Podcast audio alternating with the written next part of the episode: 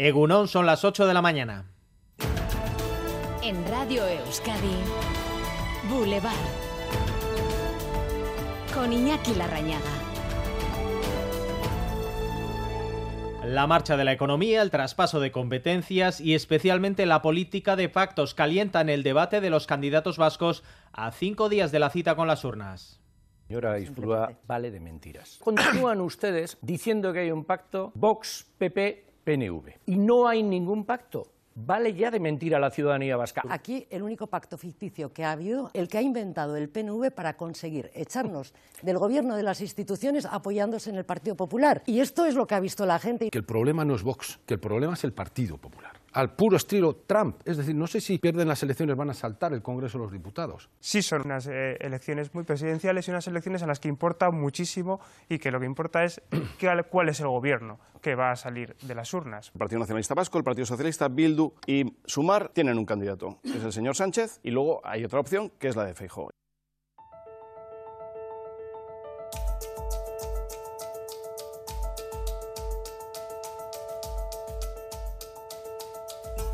Los cabezas de lista de PNV, PSE, EH Bildu, Sumar y Partido Popular en el debate de Euskal Televista plantearon, lo han escuchado, propuestas, visibilizaron coincidencias y también discrepancias, y también la línea divisoria entre dos bloques, los que defienden con más o menos ímpetu los avances de la legislatura que finaliza y la influencia vasca en ella, y quienes reclaman un volantazo en la Moncloa.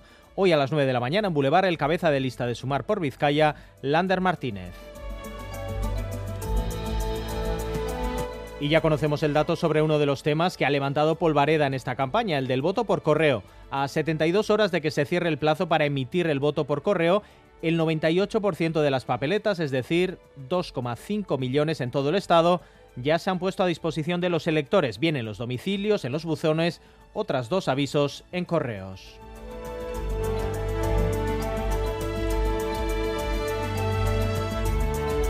Y en este contexto electoral, el Gobierno central ha anunciado el plan para desmantelar la contestada central nuclear de Garoña. Inactiva desde hace años, ya hay calendario para su demolición que se prolonga hasta 2033. Entre las labores pendientes, mover más de 400 toneladas de uranio gastado. Sonia Hernando Gunón. Ese es el proceso más delicado. Los residuos nucleares van a trasladarse de la piscina al almacén, ya construido en las propias instalaciones de Garoña.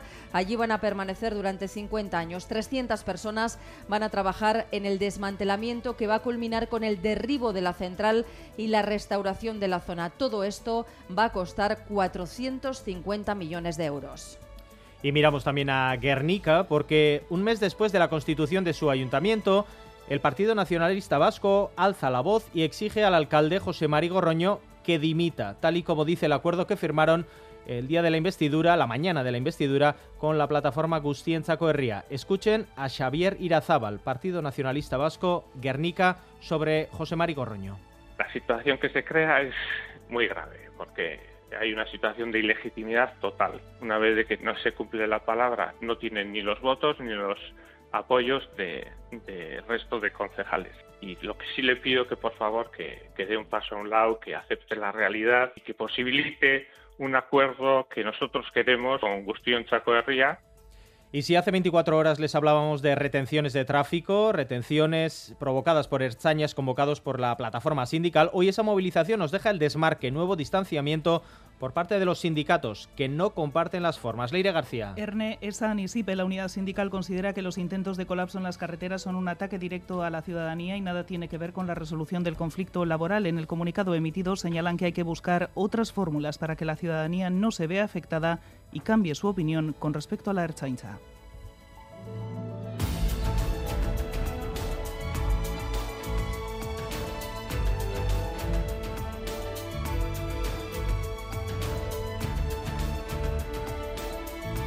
Y repasamos más asuntos. En página económica, la recaudación fiscal que ha subido en Euskadi un 6% durante el primer semestre del año por encima de los 6.800 millones de euros. Es superior a la del mismo periodo del año anterior. Por otro lado, el Producto Interior Bruto ha subido en el segundo trimestre un 1,6, son siete décimas menos que en el primero. La economía crece, pero a un ritmo menor.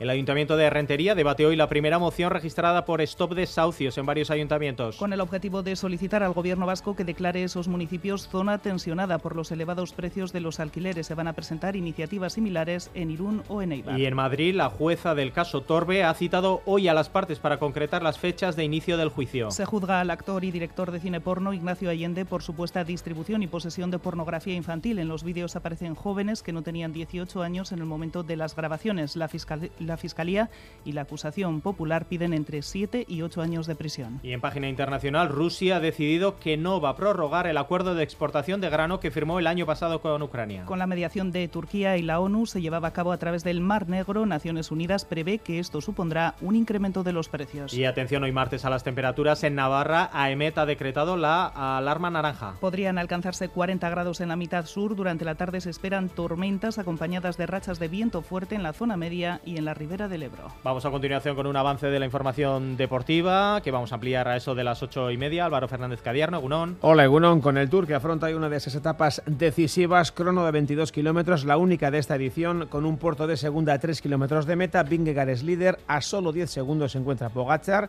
En fútbol tenemos hoy amistoso 7 y media en Lerín, Osasuna Huesca y en Gasteiz, cita importante también emotiva, rueda de prensa de despedida del capitán Babazorro, Víctor Laguardia.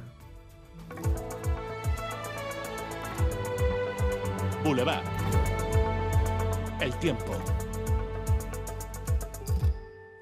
Previsión del tiempo Euskalmet, Jaione Munarri, Cegunón.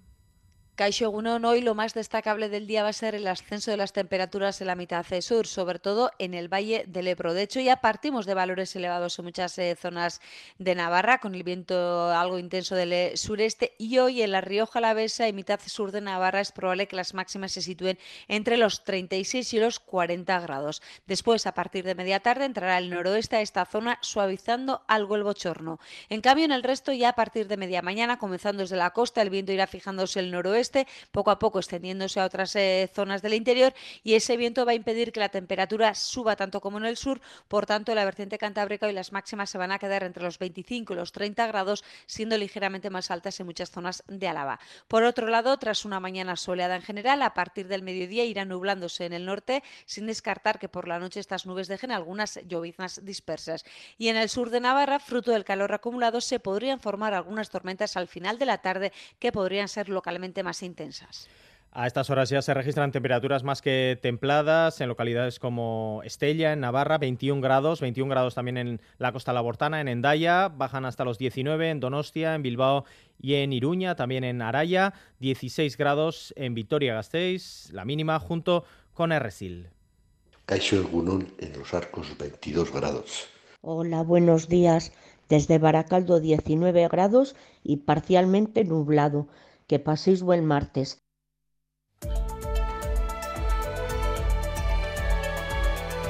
Boulevard. Tráfico. Sin incidencias en las carreteras, según la información del Departamento Vasco de Seguridad. Tranquilidad, si son testigos, ya lo saben, nos pueden escribir al WhatsApp de Radio Euskadi al 688-840-840. Saludos desde la dirección técnica, Yayo Mejón, Beatriz Leal. Comenzamos. Recupera los contenidos de Radio Euskadi en la web eitv.eus y en la app EITV Nayeran.